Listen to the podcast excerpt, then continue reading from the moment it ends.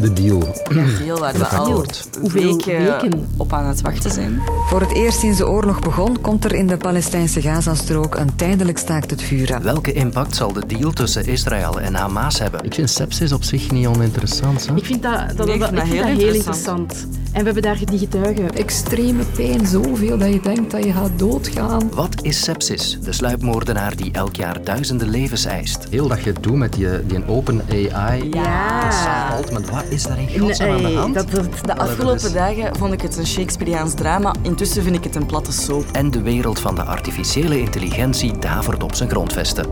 Jouw dagelijkse blik op de hele wereld heet Het Kwartier. Ik ben Lode Roels, fijn dat je luistert. Groot internationaal nieuws gisteravond laat. Breaking tonight, a deal between Israel and Hamas to release some hostages and pause fighting. 46 dagen na de start van de open oorlog tussen Israël en Hamas zijn beide partijen overeengekomen om even de pauzeknop in te drukken. Er zijn drie dingen afgesproken. 1. Een gevechtspauze. Concreet, vier dagen lang stoppen alle aanvallen langs beide kanten en vinden er geen arrestaties plaats. 2. Er komt een gevangenenruil. Hamas laat 50 van de naar schatting 240 Israëlische gijzelaars vrij, vooral vrouwen en kinderen. Israël op zijn beurt laat 150 Palestijnse gevangenen vrij. En opvallend detail, als Hamas extra Israëlische gijzelaars vrijlaat, komen er nog bijkomende Palestijnse gevangenen vrij en een dag extra gevechtspauze. En drie, er is ruimte voor meer humanitaire hulp. Tijdens de pauze zouden ook tientallen vrachtwagens met voedsel, brandstof, medicijnen en andere noodhulp naar de Gazastrook kunnen. Eindelijk zwijgen de wapens dus. Tenminste, dat is de bedoeling. Hoe moeten we dit staakt het vuren nu inschatten? Goedemorgen, hoort u mij goed? Ik haal er een expert bij. Ik ben Koert de Buff, ik ben momenteel eh, professor Midden-Oosten aan de VUB. Waarom hebben beide, Israël en Hamas, dus nu toch ingestemd met een pauze? Eerst en vooral, ja, wat natuurlijk Hamas erbij te winnen heeft, is dat er inderdaad een, een pauze komt en staakt het vuren komt, waarbij de druk van de bevolking, denk ik, die toch wel op Hamas lag, eh, toch wel wat verlicht zal worden. En ja, ik denk dat, dat heel veel mensen in Gaza zeiden van dit kan natuurlijk niet meer voort. En dat misschien ook ja, de steun voor Hamas zeer sterk eh, aan het dalen was. Ten tweede was ook toch wel duidelijk dat in Israël zelf heel veel protesten waren om een deal te maken, voornamelijk omwille van de gijzelaars. Families van gijzelaars die zeiden van ja, dit kan niet verder, onze familie zal hier sneuvelen. Dus er moet iets gebeuren. De, de druk langs beide kanten was ook eh, sterk aan het groeien. En denkt u dat de deal wordt nageleefd? Dat er inderdaad zal gedaan worden wat er nu is afgesproken? Goh, ik denk dat eh, wel, omdat het voor allebei noodzakelijk is. Hè. Dus ehm, dat ten eerste. Ten tweede, ja, heel de wereld zit hierop te kijken. En wie die deal schendt, ja, bedoel, die zal heel veel krediet verliezen. Ik denk dat beide kanten al veel krediet hebben verloren eh, de voorbije eh, weken. En dat men beseft van goed, ja, als we hier op een of andere manier nog eh, steun willen krijgen voor wat dan ook in de toekomst, moeten we dit naleven. Dus ik denk toch wel dat dit nageleefd zal worden. Ja. Nu, beide kampen kunnen die pauze ook wel gebruiken om te herorganiseren en te herbewapenen natuurlijk. Wel sowieso, dat is ook de reden denk ik, waarom op de eerste plaats Israël geen voorstander was van een dergelijke staakt het. Langs de andere kant, ja, de kant van Hamas, men, men heeft natuurlijk die aanval op 7 oktober ingezet, goed wetende dat Israël een grote tegenaanval zou doen. En zij hadden als doel Palestina op de kaart te zetten. Dus hoe, hoe erger de situatie is, hoe meer sympathie men zou winnen. Dus uh, in die zin denk ik ook dat Hamas zelf geen grote voorstander was op zich om, om, om dit te doen. Ik denk dat het minder militaire redenen heeft dan eerder uh, ja, redenen van publiciteit eigenlijk. Ja. Welke impact zal deze deal nu hebben op het verloop van het conflict, denkt u? Goh, ik denk dat de impact op zich groot uh, is in die zin ja, dat men in Israël natuurlijk zal zeggen goed, eindelijk die gijzelaars komen vrij en, en die Palestijnse vrouwen en, en jongeren die uiteindelijk vrijgelaten worden. Ja, ik denk dat iedereen dat vrij evident vindt dat die, dat die vrijkomen. Uh, maar er is ook een heel interessant element uh, in, in de deal die zegt dat uh, per tien gijzelaars dat Hamas vrijlaat, uiteindelijk het staakt het vuren met een dag verlengd zal worden. Met andere woorden, de deal legt eigenlijk voor een stuk de verantwoordelijkheid in de handen van Hamas. En dat maakt het ja, op, zich heel interessant en misschien ook ja, een beetje onvoorspelbaar. Van als er 40 of, of meer dan 40 vrijkomen en er zijn nog ongeveer 100 gijzelaars die uh, in, in, Gaza zitten, ja, dat zou betekenen dat men uiteindelijk kan opteren voor twee weken van staakt vuren, waarna het toch wel moeilijk wordt, denk ik, om een oorlog opnieuw te beginnen.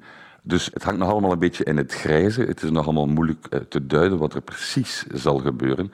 Maar de opening is gemaakt, denk ik, toch tot een veel langer stakt het vuur en misschien tot wel een einde van, van, van de oorlog.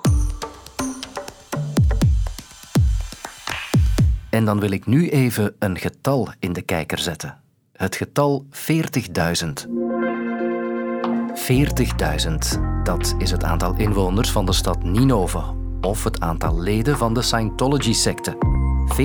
40.000 kilometer, dat is ruwweg de omtrek van de aarde en kledingketen CNA heeft 40.000 personeelsleden in dienst. Maar 40.000 is ook dit. Het aantal mensen per jaar dat in ons land sepsis oploopt. En daarover gaat het reportageprogramma Pano vanavond. Ja, je kunt dat niet goed beschrijven, uh, die pijn. Uh, het staat ook in mijn medisch dossier. Er staat, mevrouw leidt helse pijn in die mate dat ze dacht het niet te zullen overleven. Dit is Ilse Malfay. Zij kreeg drie jaar geleden sepsis. En dat had grote gevolgen. En dan op een gegeven moment heeft mijn man gezegd, verteld van kijk Ilse, je vingers en je tenen zijn aan het afsterven. Ik dacht van ja, tenen, ja dat gaat nog. Maar uh, dat bleken dan uh, mijn voeten te zijn die aan het afsterven waren. Tienduizenden Belgen krijgen dus met sepsis te maken. Terwijl veel mensen, en ik reken mezelf daarbij, niet goed weten wat het eigenlijk is. En dus heb ik infectioloog Erika Vliegen gebeld om mij bij te praten. Sepsis is eigenlijk een reactie van uw, van uw lichaam. Heel vaak is dat op een infectie, soms is dat ook op een andere ernstige gebeurtenis in ons lichaam, maar heel vaak is dat op een, een infectie. En natuurlijk reageert ons lichaam altijd wel met een zekere ontstekingsreactie op infectie, maar bij sepsis ja, gaat het eigenlijk helemaal mis en loopt dat echt helemaal uit de hand. En krijg je eigenlijk ook schade, niet alleen door het beestje, de bacterie of het virus, maar eigenlijk soms nog meer schade door de enorme reactie van je immuunsysteem op allerlei organen. En dat kan echt leiden tot dood of tot langdurige restletsels en, en, en veel lijden. Dus ja, dat is een, een onderschatte oorzaak eigenlijk van ziekte en dood. En de cijfers zijn hard. Elke dag sterven er in ons land naar schatting 20 mensen door sepsis. Hoe kan dat? Hoe kan zo'n zware aandoening ongemerkt toeslaan? Omdat het ook heel subtiel begint vaak. En zeker bijvoorbeeld erg jonge mensen of, of hele oude mensen, vertonen niet altijd even duidelijke symptomen. En dus je, je moet echt uh, heel aandachtig zijn en eventuele uh, kleine afwijkingen heel goed controleren. Bijvoorbeeld de bloeddruk die zakt, of de ademhaling die versnelt, of iemand die suffer wordt. En het kan zich ook in heel veel verschillende vormen voordoen. Dus het is niet altijd makkelijk om te herkennen. En het is ook niet altijd makkelijk om te onderscheiden van iemand die goed ziek is, bij wie het helemaal goed vanzelf in orde komt. Ook bij Ilse hadden de dokters drie jaar geleden niet meteen door wat er aan de hand was. Al die signalen, die sepsissignalen waren aanwezig. Het was niet eentje, want soms zijn er één signaal, maar ik was slaperig, suf, verward. Snelle hartslag, lage bloeddruk, allemaal aanwezig. Ademhalingsmoeilijkheden, dat is nog eentje ervan. Om daaraan terug te denken, ik vind dat ongelooflijk moeilijk, omdat, ik, omdat je voortdurend afvraagt van waarom heeft men daar niet sneller ingegrepen? Waarom? Alleen hoe is dat mogelijk? Snelheid is belangrijk. Je moet eigenlijk snel dat uit de hand lopend proces van ontsteking en orgaanschade, je moet dat kunnen afblokken, je moet dat kunnen stoppen door antibiotica te starten bijvoorbeeld. Dus ja, moeilijk evenwicht enerzijds tussen het snel oppikken en ook niet te ongerust zijn. Het is zeker niet de bedoeling van mensen nodeloos ongerust te maken, maar het is wel belangrijk om aandacht te vragen voor het fenomeen, zowel bij de algemene bevolking en bij onze patiënten, maar zeker en vast ook bij de zorginstellingen, om daar eigenlijk meer op systematische wijze naar op zoek te gaan. Hoe, hoe zorgvuldiger dat je dat opvolgt, hoe makkelijker dat je een eventuele sepsis ook gaat kunnen oppikken. Met Jeroen Drijgaard. Dag Jeroen, met Lode Roels hier van de podcast. Hey Lode. Hoe is het in Nederland? Ja, spannend hè, druk. Uh, veel volk op baan, absoluut. Uh, veel mensen die willen gaan stemmen. Van toeter toe, hè. Met, uh, met zo'n nog vier partijen die de grootste kunnen worden. Ja, bijzonder spannend. aangenaam maar druk. Ja, en de stembureaus zijn nu nog open. Als ik jou bel, ehm, hoe laat gaan we de uitslag kennen eigenlijk? Uh, nadat ze sluiten. Ze zijn tot 9 uur open en uh, dan onmiddellijk krijg je op tv een, een exit poll. Dat is niet echt de uitslag, maar wel al heel duidelijk welke richting uh, het uitgaat. Eigenlijk wel al zeer betrouwbaar. Ah, ja, en dan ja, tegen of, morgen vroeg hebben we waarschijnlijk wel echt de definitieve uitslag. Zullen wij dan anders gewoon voor morgen al afspreken, Jeroen? Dat we het dan analyseren en bekijken? Is dat goed voor u? Dat is perfect. bel gerust terug, wanneer past. Dan horen we jou morgen in de podcast. Ciao, ciao. Tot morgen, hè. Ja, dag Loor. Maar nu ga ik het hebben over Sam Altman. Ik weet niet of die naam je iets zegt. Als dat niet het geval is, geen probleem, maar dat zal wel veranderen nu. Want Sam Altman is de CEO van OpenAI, het bedrijf achter onder meer ChatGPT. En stilaan mogen we hem in het lijstje van de grote tech-CEO's zetten, zoals Mark Zuckerberg en Elon Musk. Ook als het gaat over gevoel voor drama. Want de stoelendans van Altman van de afgelopen dagen, daar kan menig tv-soap nog wat van leren. Het begon allemaal afgelopen vrijdag. The OpenAI board fired Altman Friday. Well, this is breaking news, of course, and there's a lot to digest. I think it's a big deal. He's now been hired by Microsoft. Innovators like Sam, when it comes to AI, to come to us, and we are thrilled about it. Now, be honest. Did you think it was over?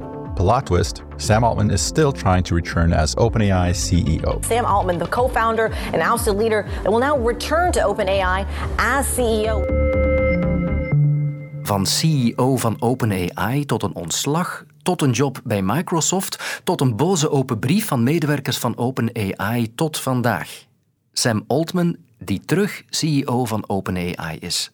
En dat dus allemaal op vijf dagen tijd. Test 1, 2, test 1, 2. Je hoort collega Tom van de Wegen de verbinding testen.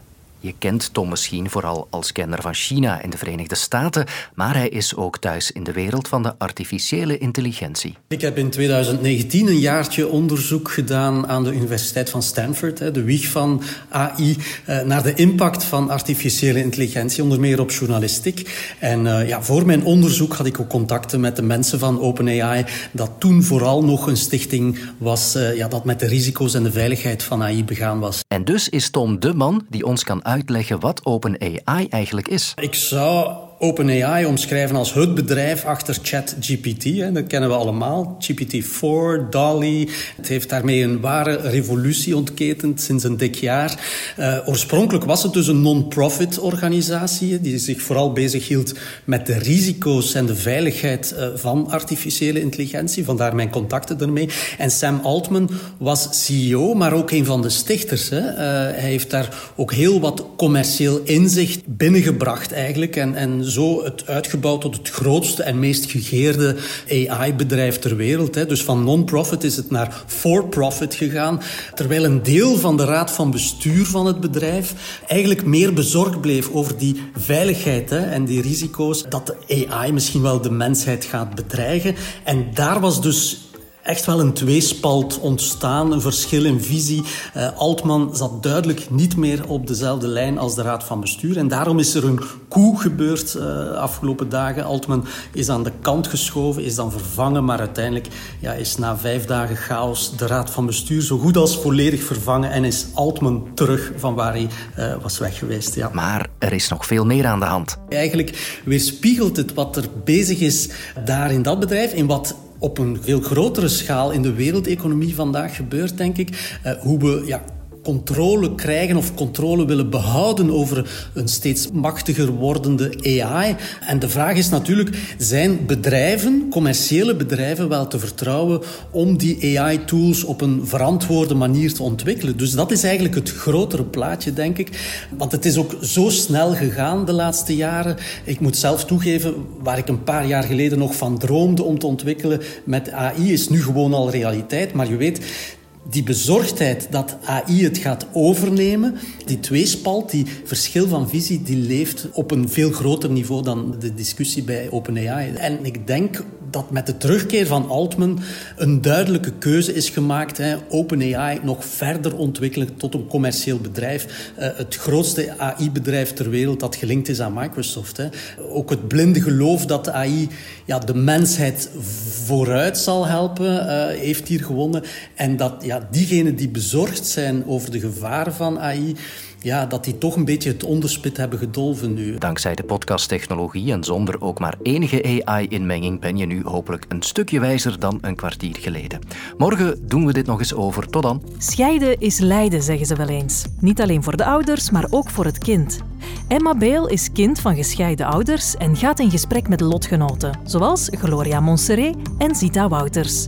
Beluister de podcast Split nu op VRT Max.